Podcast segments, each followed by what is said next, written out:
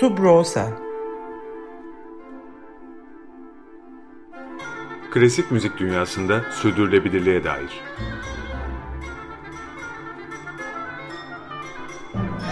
Hazırlayan ve sunanlar Zafer Yenal ve Yaren Eren Budak.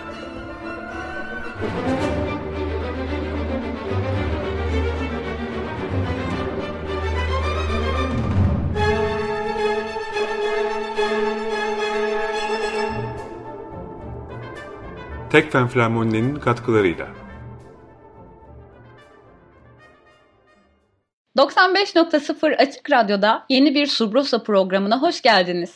Ben Yaren Eren Budak. Ben Zafer Yenal. Her hafta olduğu gibi bu hafta da sizlerle birlikte olduğumuz için çok mutlu ve heyecanlıyız. Geçen hafta klasik müzik sanatçılarının, müzisyenlerinin, bu yolda eğitim alan öğrencilerin karşı karşıya kaldıkları bedensel ve psikolojik sorunları konuşmaya başlamıştık programımızda. Klasik müzik dünyasında sürdürülebilirlikle ilgili meseleleri tartıştığımız Subrosa'da genellikle pek gündeme gelmeyen gülün yani klasik müziğin güzellikleriyle örttüğü bu sorunları çok önemsiyoruz icracıların, müzik öğrencilerinin sıklıkla karşılaştıkları sağlık sorunlarının konuşulması, destek mekanizmalarının ve çözüm yollarının tartışılması, bu yolda gönül vermiş insanların esenliği ve ferahı açısından elbette büyük önem taşıyor. Ruh ve beden sağlığı, klasik müzikte nitelikli ve mutlu kuşakların devamını ve çeşitliliğini sağlamak, insana yakışır iş ve eğitim ortamları, olanakları yaratabilmek için olmazsa olmaz unsurların başında geliyor. Geçen haftaki programımızda konunun psikolojik boyutlarını özellikle sahne, performans heyecanı, kaygısı üzerine odaklanarak İstanbul Üniversitesi Devlet Konservatuvarı'nda öğretim üyesi ve piyanist e, Hatice Gülden Testel'le konuşmuştuk.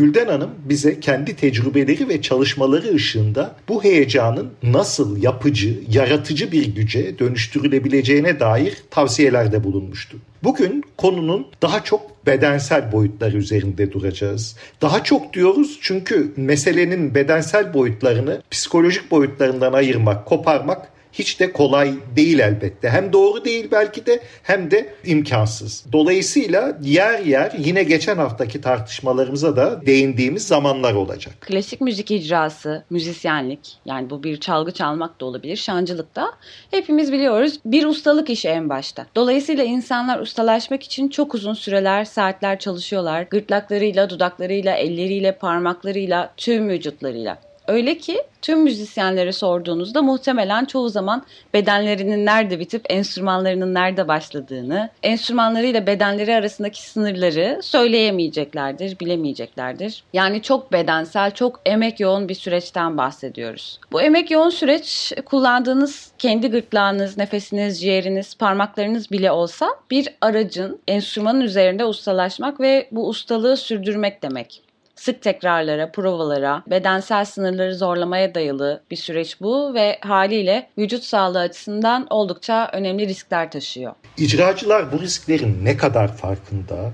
E, bu riskleri önlemek, bertaraf etmek, e, sağlıklı müzik yapabilmek için kullanılan yöntemler var mı? E, bu yöntemler ne kadar yaygın, ne kadar biliniyor? E, müzik eğitimi bedensel rahatsızlıklara, e, meslek hastalıklarına dair dersler içeriyor mu? Bunlar ve daha birçok soruyu bugün iki değerli konuğumuzla enine boyuna konuştuk. Bu konuşmalara geçmeden önce küçük bir notumuz var. Ee, Cuma günü bir yıl gecikmeyle ancak hala seyircisiz düzenlenen ve Tokyo'nun ev sahipliği yaptığı 32. yaz olimpiyat oyunları açılışı yapıldı biliyorsunuz. Bugünkü programımızda birazdan da duyacağınız gibi gündeme gelecek noktalar e, müzisyenler ile atletlerin e, yani sürekli yüksek performans sergilemek zorunda olan profesyonellerin birçok konuda kaderleri birliğinin e, benzerliğine, kader birliklerine e, işaret ediyor. Pandemide seyircisiz oynamadan tutun da performans kaygısına,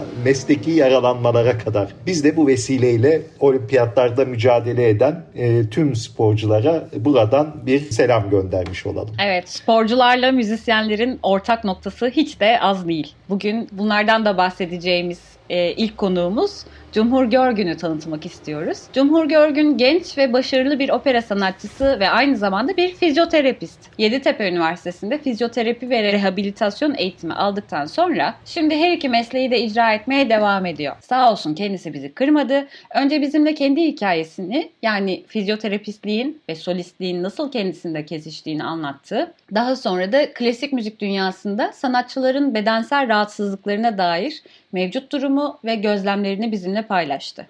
Evet, Cumhur Görgün'le hafta içinde yaptığımız söyleşiye kulak veriyoruz. Cumhur Bey hoş geldiniz. Hoş geldiniz. Hoş bulduk Hanım. Nasılsınız? Hoş buldum. Zafer Bey nasılsınız? İyi, sağ olun. Sizi gördük daha iyi olduk. Sağ olun. Aynı şey. Öncelikle teşekkür ederiz e, davetimizi kabul ettiğiniz için. Ben teşekkür ederim. Ee, bu güzel programa beni dahil ettiğiniz için benim sesimi de sizlerle beraber en azından insanlara duyurabilmem benim için çok önemli. Çok büyük bir e, heyecan duyuyorum bu yüzden. O yüzden Türkçe lisan, lisan olursa affola. şimdi başlangıçtan söyleyeyim. Aynı şekilde bizim için de öyle. Şimdi Cumhur Bey e, son iki haftadır müzisyen e, hastalıklarından, rahatsızlıklarından bahsediyoruz. Müzisyenlerin mesleki rahatsızlıklarından. E, geçtiğimiz hafta daha çok ruhsal rahatsızlıklara, anksiyeteye, e, sahne kaygısına değindik. Bu hafta da daha çok fiziksel rahatsızlıklara değiniyoruz. Ve, ve siz de bu konuda bizim için eşi bulunmaz bir konuksunuz. Estağfurullah. Opera sanatçılığının yanında fizyoterapistsiniz. Evet doğru. Ve e, bu iki mesleği aynı potada eritmişsiniz. Biraz sizin hikayenizle başlayalım isterseniz. Yani bu iki meslek nasıl bir araya geldi? Bunlar birbirlerini besliyorlar mı? Yani nedir sizi bu çift meslekliliğe yönlendiren? Yani açıkçası şöyle başlangıçta e, annem benim TRT sanatçısı. O da e, Türk musikisi üstüne e, solist. E, yıllarca işte TRT'de söyledi. O bende hani bir e, ses olduğunu filan hani belki bir klasik müzik batı müziğiyle hani tanışmamın benim için iyi olabileceğini söyledi. Ben de çok inanmadım yani aslında işte hani şey gibi düşündüm işte çirkin ördek yavrusuna güzel görünürmüş filan gibi bir şey düşündüm yani. Ondan sonra sonra ama bir şansımı denemek istedim.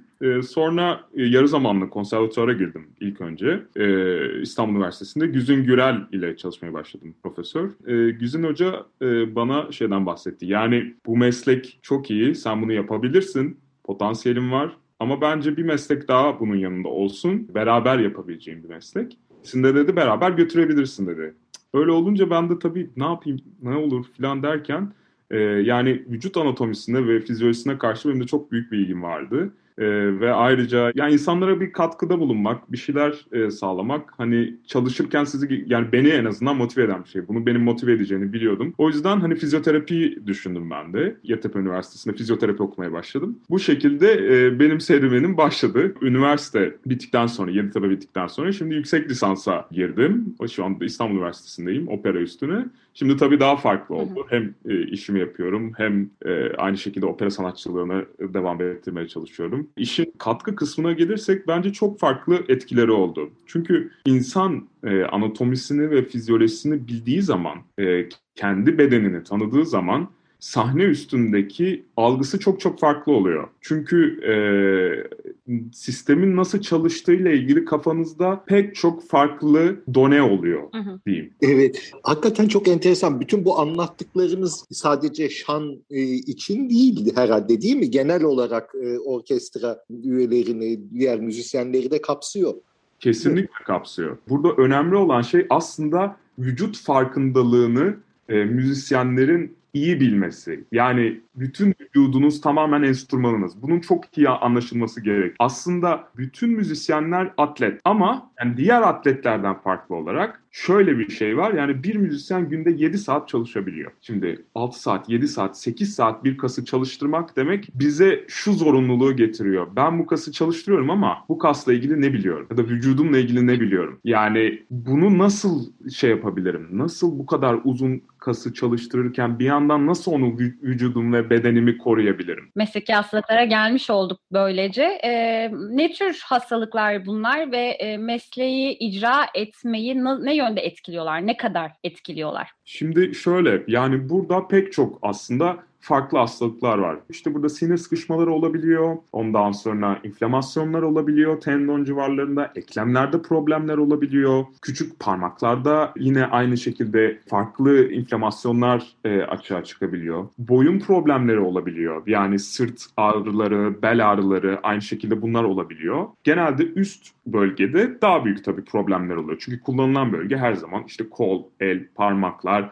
boyun tutuşu, ondan sonra işte boynunu koyduğu, onunla gibi omuz e, şeyleri de aynı şekilde. Yani mesela bir cello sanatçısı sürekli e, arşeyi tutarken sağ eliyle omzunu öne, öne doğru koyuyor. İşte mesela orada hı. problemleri açığa çıkabiliyor. Yani bu tip şeyler olduğu zaman da tabii ki ister istemez pek çok işte sinir sıkışmaları dediğimiz, işte bazen e, istemsiz kas kasılmaları, fokal distoni olabiliyor. Bu tip e, hı hı. problemler gerçekleşebiliyor. İşte burada aslında önemli olan şey buraya gelmeden önce ne yapılması gerektiğini kişinin şahsın çok iyi bilmesi. Yani doğru teknik ve doğru çalışmayla gerçekten çok uzun yıllarca hiçbir problem yaşamadan da bütün eserleri icra edebilecek e, seviyeye aynı şekilde seviye demeyeyim de yani kendinizi o şeyde tutabilirsiniz yani bu gerçekten mümkün. Yani çok korkmamak gerekiyor. Birincisi bunu da söylemek lazım. Vücut gerçekten çok güçlü bir yapı. Yani bütün sinir sistemiyle, kas sistemiyle, beyin integrasyonuyla diyeyim yani beynin kaslara gönderdiği bir sürü uyarılarla vesaire yani çok farklı ve çok güçlü bir yapı.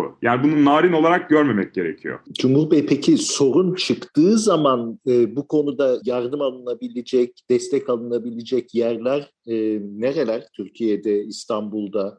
Öyle yani açıkçası çok fazla bu konuyla ilgili uzmanlaşan terapist eh, çok ben bilmiyorum açıkçası. Çok da duymadım çünkü biraz daha kenarda köşede kalmış bir alan. Ee, hani ben de çok e, tam olarak uzmanı olduğumu çok fazla söyleyemem ama hani şunu söyleyebilirim. E, müzisyenlerle çalışıyorum. Tabii ki elimden geldiğince kendi fikirlerimi, tecrübelerimi anlatıyorum ama uzmanlaşmış insanlar bulmak burada çok fazla kolay değil. Çünkü mesela yurt dışına bakıldığı zaman sadece müzisyenlerle beraber çalışan e, fizyoterapistler var. Ben mesela e, Amsterdam'a gitmiştim. Amsterdam Operası'na, Nasyonel Opera'ya. Mesela orada operanın içinde e, en üst katta e, fizyoterapi şeyi vardı. Mesela çok enteresan. Çünkü neden? Orada e, balerinlere, baletlere özel fizik tedavi uygulanıyor. Çünkü burada sakatlıklar çıkabiliyor. Hmm. Aynı şekilde e, sizin de dediğiniz gibi yani orkestrada problemler olabiliyor. İşte o, o problemleri çözen spesifik orada insanlar var. Ama Türkiye'de şu anda tam anlamıyla bir bu konuda spesifikleşmiş bir şey benim bildiğim kadarıyla e, ve gördüğüm kadarıyla yok. Tabii bunun daha da geliştirilmesi gerekiyor. Bunun, bunun için bana da görev düşüyor. Pek çok benim kendi arkadaşlarıma da bunun için de görev düşüyor. E, birazcık tabii tabii bu konuda yurt dışına göre daha farklı bir konumdayız.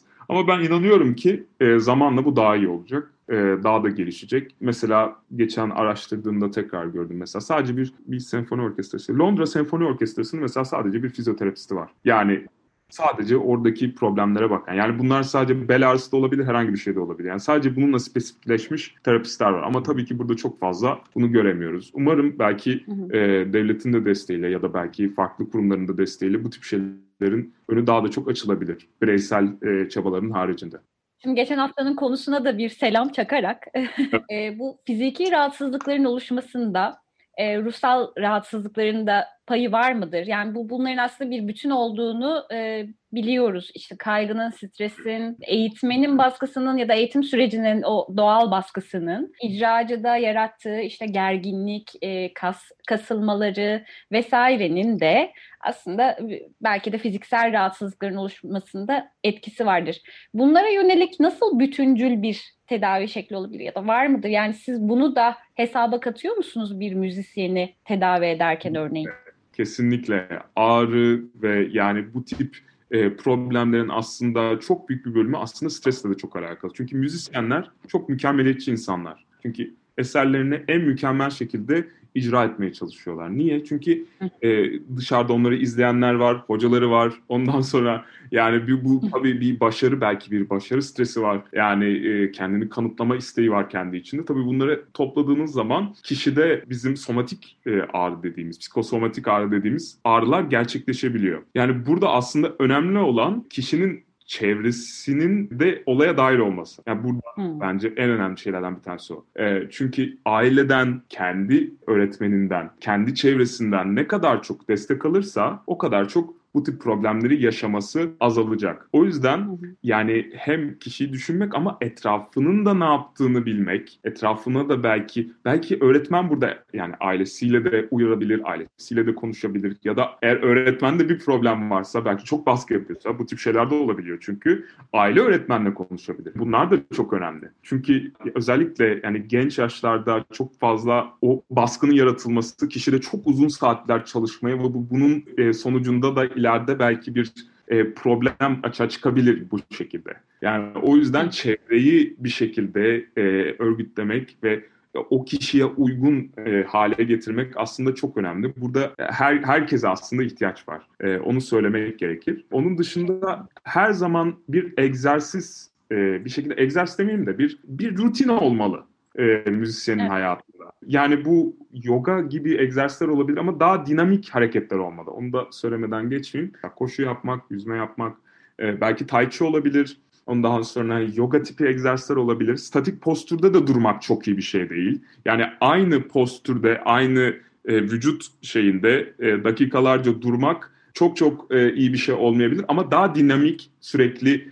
hareketin olduğu, bir e, çok fazla direncin de olmadı. Yani çok yüksek ağırlıkları tekrarlı kaldırmak da aynı şekilde çok iyi bir şey değil. Ama bunların işte modifiye edilmesi gerekiyor kişiye göre ısınma egzersizleri yapılması lazım. Yani bir esere başlamadan önce kesinlikle bir ısınma rutininizin olması gerekiyor. Ayrıca sonunda da bir soğuma rutini olması gerekiyor. Siz bir atletsiniz. Ona göre nasıl atletler ısınma soğuma yapıyorsa müzisyenlerin de ısınma soğuma yapması şart. Yani bunun için bence tartışmaya e, açık bir tarafı yok yani. Bunlar ufak germeler olabilir. İşte bileğinizi atıyorum bir kemancı için, piyanist için bileğini çevirmek olabilir. Boyun egzersizleri olabilir. E, yani çok küçük ve basit hareketler bile olabilir ama bir rutininizin olması gerekiyor. Ve bunun dışında da ara vermeye çok özen göstermek gerekiyor. Yani e, bir yarım saat 45 dakika hadi belki bir bir saatin sonunda bir ara vermek çok önemli. Oldu ki ara vermediniz. Bazen tabii ki öyle şeyler oluyor. Yani 2 e, saat 3 saat çalıştınız. Bu çok iyi bir şey değil. Biz önermiyoruz ama olabiliyor. Müzisyenin kendi dünyası.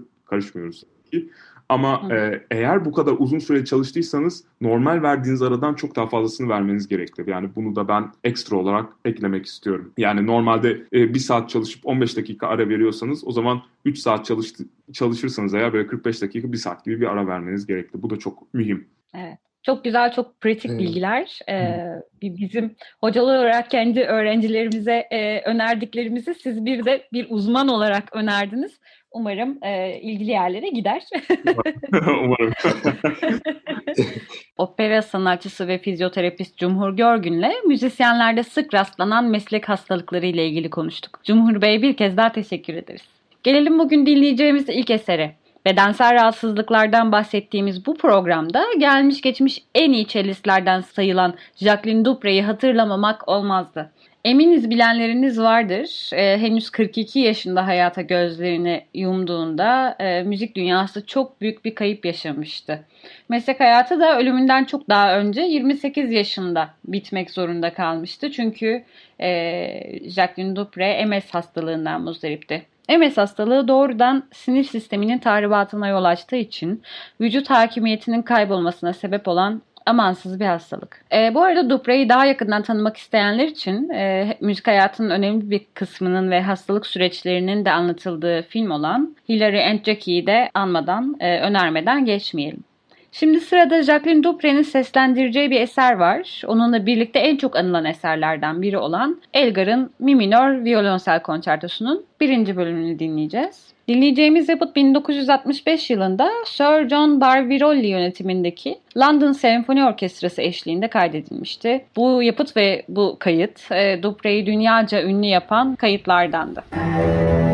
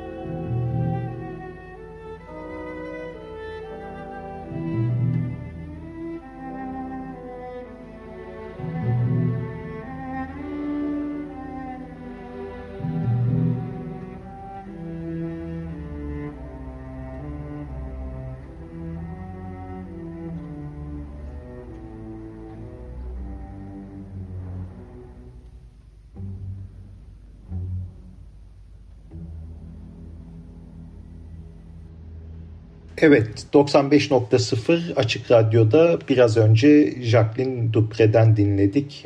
Mi minör violonsel konçertosunu.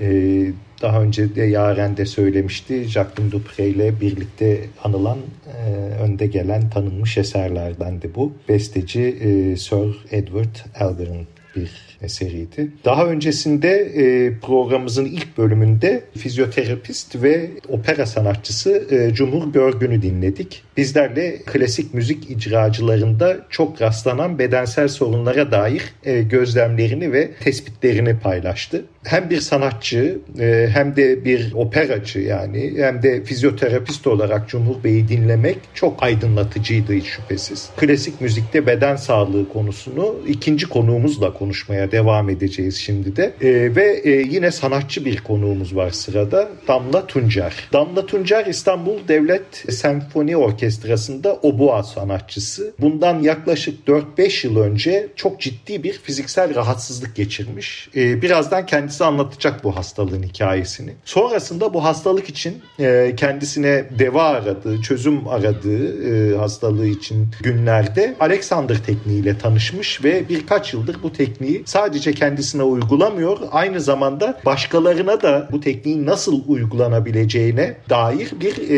eğitim alıyor. Yani başka müzisyenler kendisi gibi bu sorunu yaşamasın diye bu tekniği yaygınlaştırma yönünde e, çalışmalarını sürdürüyor. Evet, Damla Tuncer ile yaptığımız e, söyleşiyi dinlemeye başlıyoruz.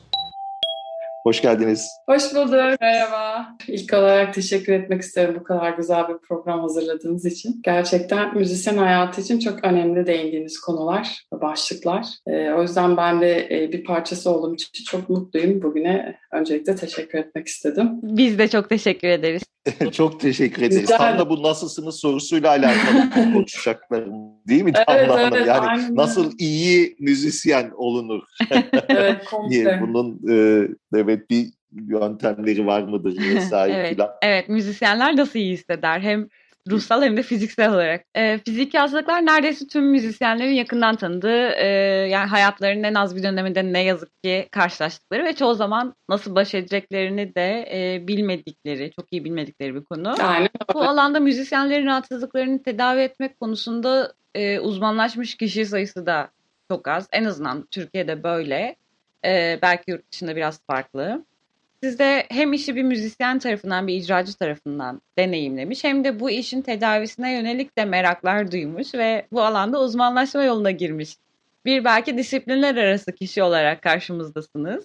Ee, bize hem kendi hikayenizden başlayarak yani onu merkeze alarak enstrüman çalmak, e, icracı olmak ve fiziki rahatsızlık sahibi olmak arasındaki ilişkiden bahsedebilir misiniz? Neden müzisyenler rahatsızlanıyor Damla Hanım? Çok güzel bir konu. Gerçekten aslında şöyle bir şey.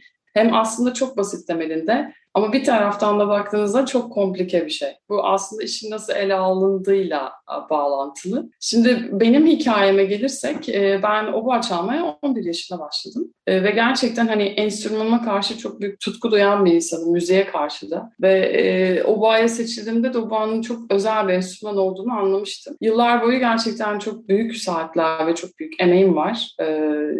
Tabii hocalarım da emeği var yani bu tek başına yapılan bir şey değil bu emek işi. Sonuçta bize bir rehberlik yapıyorlar. Ama tabii şöyle bir durum var. Belli bir zamandan sonra bende ilk e, rahatsızlık, rahatsızlık da demeyeyim de overuse dediğimiz olay kaslarda e, üniversite döneminde başladı. Üniversite döneminde başladığında işte tabii bu sporcuların da bildiği bir şey laktik asit birikmesi diye bir şey var. Kaslarınıza aşırı yüklendiğiniz zaman e, bu olan bir şey. Fakat bunu hep şey olarak düşünüyorlar. Yani işte stretching yapın, esnetin geçer. Şöyle yapın geçer. İşte bir, bir süre e, bırakın geçer. Tamam tabii ki geçer ama permanent yani bu şey olarak geçmiyor. Bu bir e, kalıcı bir şey değil. Bu tabii ki aşırı kullandığınız bir şeyi üç gün kullanmazsanız düzelmeye başlar. Ama bu demek değil ki kullanmadın, kullanmaya tekrar başladığınızda tekrar olmayacak. İşte benim aslında hikayem tamamen böyle bir şey. Çünkü böyle bir circle'ın içine giriyorsunuz ve e, tavuk mu yumurtadan, yumurta mı tavuktan meselesi başlıyor. Yani hep şeyi suçluyoruz, enstrümanı suçluyoruz. Ama geldiğim noktada bugün e, ben Alexander Teknik Eğitimi alıyorum İngiltere'de. 2016'da başladım. Öncesinde özel dersler almıştım.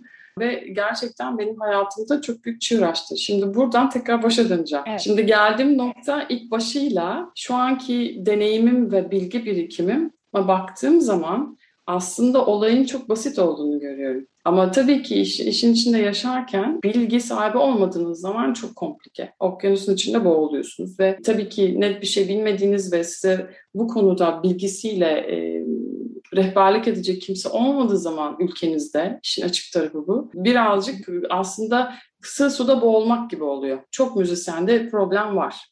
Damla Hanım ilk başta ne hissettiniz? Nasıl anladınız problemi? Yani şöyle kaslarda tabii ki bir gerginlik, bir yo- yorgunluk. Ee, Benim ilk başlamam öyle. Tabii sonra zaman içinde e, azaldı.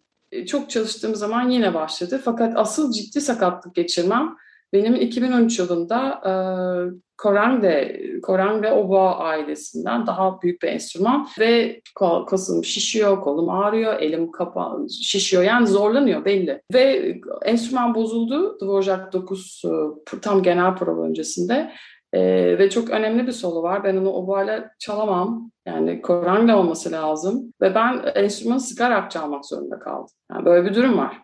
Reglajını yaptıramadım çünkü genel prova konser arasında olan bir şey. Ee, ve bunun üstüne birkaç hafta daha yoğun çaldıktan sonra şöyle bir şey oldu. Benim kaslarım sonradan anladım ki şalteri kapattı. Yani biz artık çalışmıyoruz dediler ve tendinit, tendona vurdu. Çift taraflı tendinit. Korkunç. El kapandı. Hı hı. Komple parmak şişti. Yok çalamıyorum. Yani çalmayı bırakın çatal bıçak tutamıyorum. Yani aylarca böyle. İşte tedaviler yapıldı geçer gibi oluyor. Klasik tedavi uyguluyorlar. Yok çalmaya başlıyorsunuz tekrar bıçak saplanıyor ve böyle kopmuş gibi yani sanki bir şeyler batırıyorlar mı? Korkunç bir ağrı, berbat bir ağrı, tendon ağrısı. Klasik tedavi dediğiniz Yani işte normal fizik tedavide yapılan tedaviler. Yani nedir? Buz tedavisidir, elektrik tedavisidir. İşte kaslarınıza bir şeyler bağlanır. Onun sonuçta belli bir kas gevşetici bir şey olması lazım. Ama benim durumumda iş gerçekten çığırından çıktı. Yani tedavi gördüm tekrar, tedavi gördüm tekrar. Geçmiyor, geçmiyor bir tür ve daha kötü geliyor. İşin Hı. kötü tarafı bu. Sonra düşündüm taşındım ne yaparım, ne Hı. yaparım? Ben Hı. Almanya'ya bir e, iyi bir obacıya çünkü Almanya'da müzisyen ortopedisti diye bir kavram var ve e, konservatuvarlarda orkestralar çok fazla olduğu için orada ve çok branşlaşıyor insanlar. Bir profesör bir oba sanatçısına yazdım, tanıdığım bir insana. O aracı oldu. Beni Almanya'da bir tane hastane bir profesör gördü beni. Ve bana söyledi iki tane şey var. Overuse, aşırı kullanım, yanlış kullanım e, ve bunun iki tane çaresi var. Bir tanesi seni bir e, osteopat görecek, bütün omurgamı komple kontrol edecek çünkü bir şeyler olmuş olabilir. Arkasından da Alexander tekniği ve senin dedi kendini, bedenini doğru kullanmanı öğrenmen lazım. İşte burası işin püf noktası. Çünkü o güne kadar hiç kimseden ben bedenini doğru kullanmayı öğrenmelisin. Yani aslında sebep olan biziz. Biz hep suçluyoruz. Enstrüman bana bunu yaptı, şu bana bunu yaptı. Hayır, biz kendimiz yapıyoruz. Sebep şu, doğru kullanmayı kimse öğretmiyor. Bu bir anatomi bilgisi. Tabii enstrümanın belli bir ağırlıktan dolayı belli bir şeyi var. Bu bir realite. Ama her şey enstrümanın kendinden gelmiyor. Bunu da anlamak lazım. Ve şöyle bir inanç var müzisyenlerin hemen hemen çoğunda, çoğunlukla bizim ülkemizde. Ağrım var normal. Hayır, ağrım var anormal. Hı hı. Ağrı vücudun bir sinyalidir, dur diyor. Yanlış yapıyorsun. Ve biz çok hocanın, çok öğretmenin, sporcu mantığı, sporcularda da var aynı problem. Onun için sakatlanıyorlar. Şöyle bir şey üstüne gideceksin. Hayır. Vücudun sana bir şey söylüyor. Kasların üstüne gidilmez. Özellikle el kasları. Çünkü el kaslarının mantığı, çalışma mantığı bizim bir bicepsimiz var. Ağırlık kaldırdığımız, bir şey kaldırdığımız. Büyük kas değil. Onun çalışma prensibiyle bizim minicik minicik mikron el kaslarımızın çalışma prensibi aynı değil. Damla Tuncer'le yaptığımız e, müzisyenlerde kas rahatsızlıkları başta olmak üzere bedensel problemlerle ilgili söyleşiyi dinliyoruz. E, Söyleşimize birazdan geri döneceğiz. Ama şimdi e, Damla Hanım'ın e, mesleki rahatsızlığının e, mesleki bir yaralanmaya dönüşmesine bir korangle, kor angle yani İngiliz kornosu anlamına geliyor bir oboa çeşidi. E, ben bu programa e, hazırlanırken, e, daha doğrusu biz bu programa hazırlanırken e, ben daha çok bu konularda daha e, bilgisiz olduğum için daha bir bakınıyorum. E, bu özellikle enstrüman çeşitleri konusunda. Orada devşirdim bu bilgileri diyeyim. E, Koranle'nin e, bir oboa çeşidi olduğunu. E, neyse nerelere gittik. Bu enstrüman e, yüzünden, Koranle yüzünden e, sakatlanıyor, yaralanıyor diyelim Damla Tuncer. O yüzden de e, sizlere şimdi içerisinde e, Koranle olan e, bir e, parça e, eser dinletmek istiyoruz. Ne dinleyeceğiz Yaren'cim? Evet, Sibelius'tan bir eser dinleyeceğiz. İçinde bolca korangleler, oboalar e, duyacağımız bir yapıt Swan Tuenola. Bu yapıttan bir kesit dinleyeceğiz. Şef Sir Simon Rattle yönetiminde Berlin Filarmoni Orkestrası'ndan Sibelius'un Tuenola kuğusundan kısa bir kesit. Buyurunuz.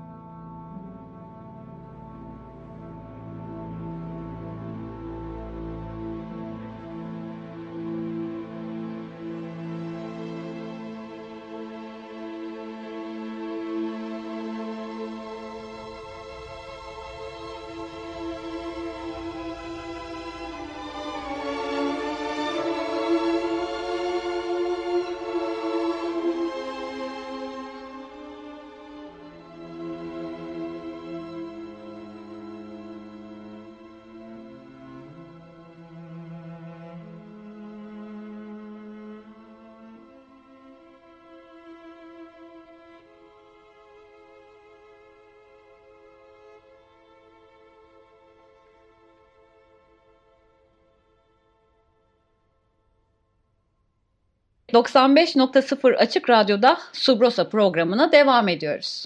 Bugünkü programımızın son bölümünde Damla Tuncer'le müzisyenlerde meslek hastalıkları, önlem ve tedavi yöntemleri üzerine yaptığımız söyleşiye geri döneceğiz. Biz de bu programı hazırlanırken bu konuda yapılmış akademik çalışmalara hızla bir göz attık. Ve bunların hemen hepsinde varılan sonuç hep aynıydı maalesef. Ve bugün bu programda konuştuklarımızı doğruluyordu. Çok kısaca öğrencilerin çoğunun müzisyen hastalıkları hakkında farkındalık düzeyi çok düşük ve bu konu hakkında bilgi sahibi değiller. Öyle ki e, örneğin boyun spazmları, el ağrısı çeken yaylı çalgı öğrencilerinin birçoğu çalışma saatlerini artırırlarsa el spazmlarını azaltabileceklerini düşünüyorlar. Ne kadar çelişkili değil mi?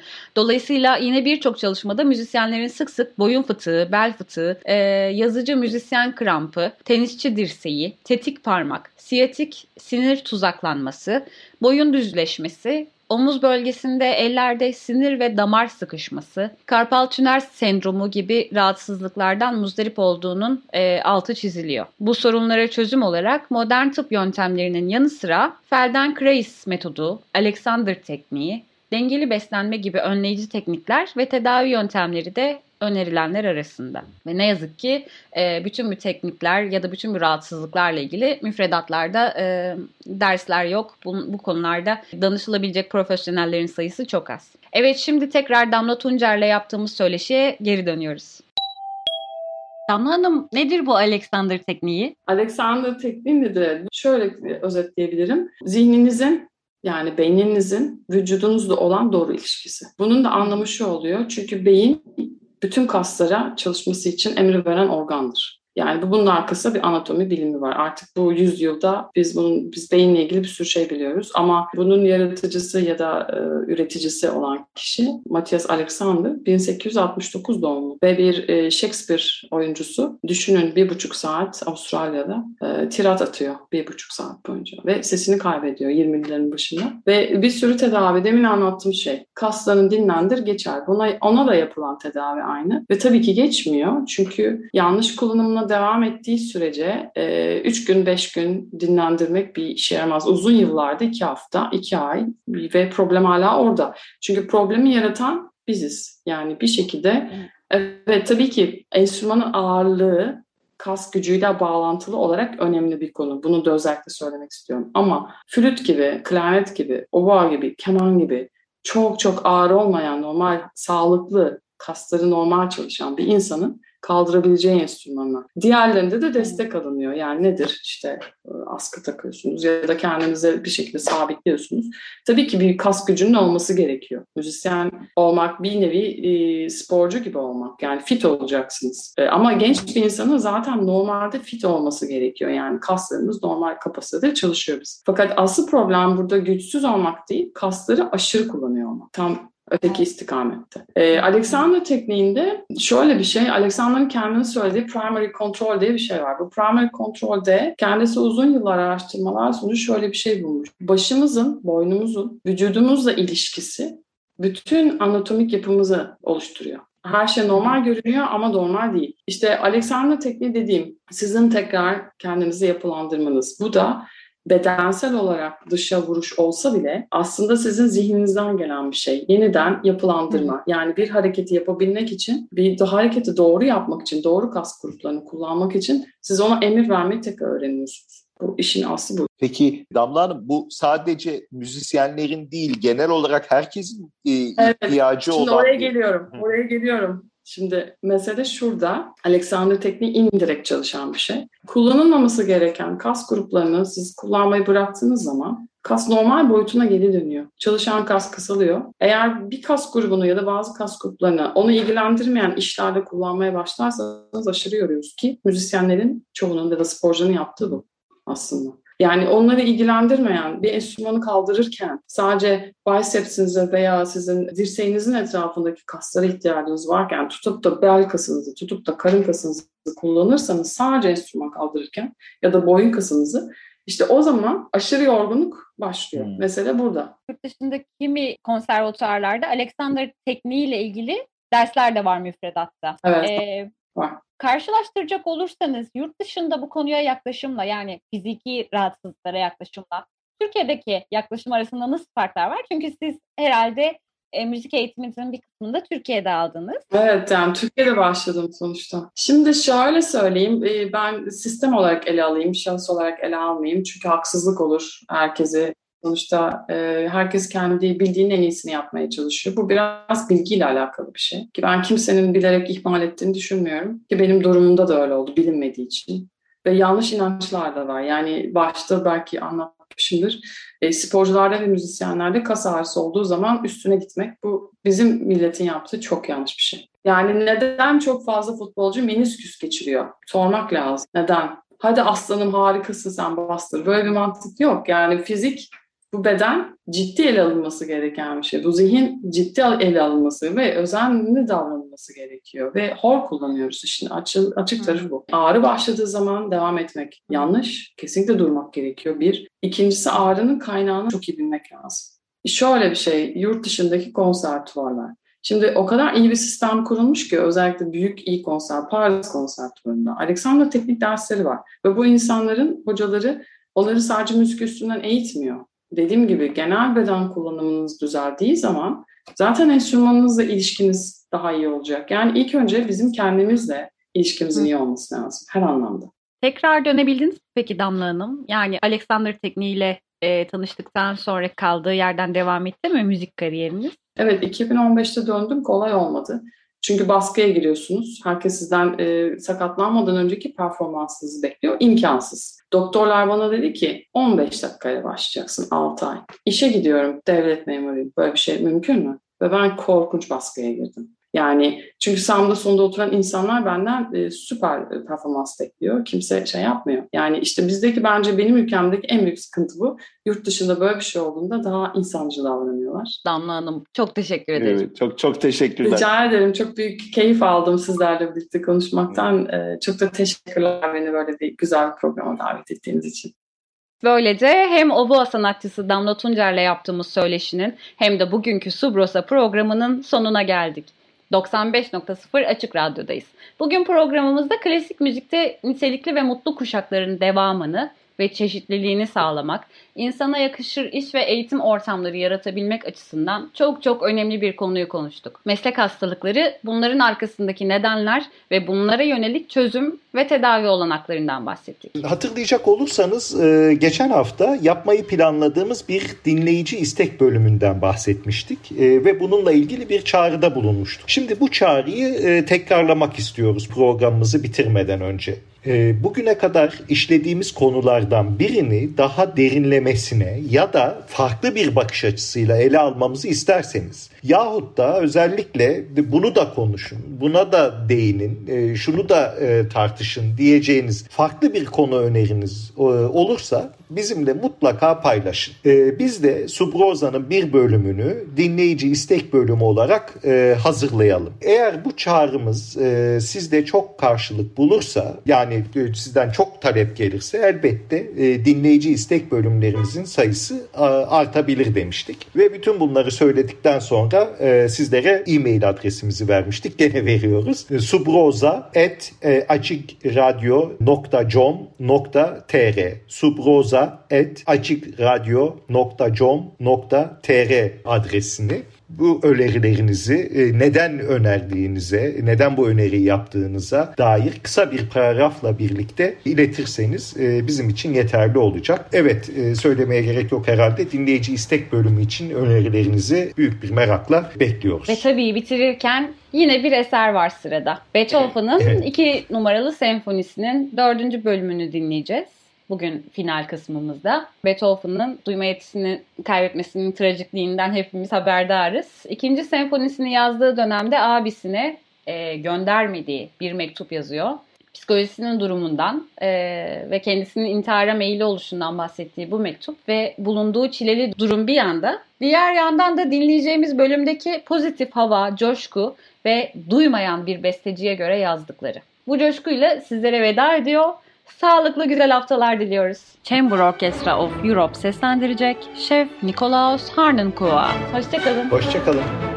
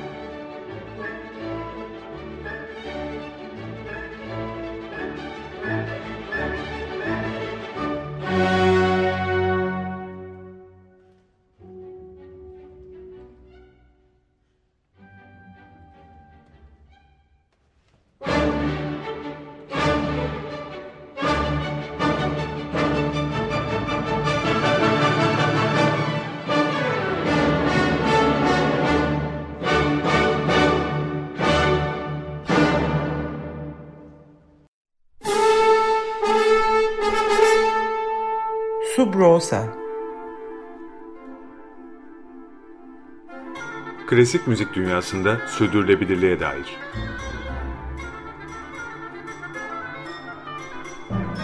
Hazırlayan ve sunanlar Zafer Yenal ve Yaren Eren Budak.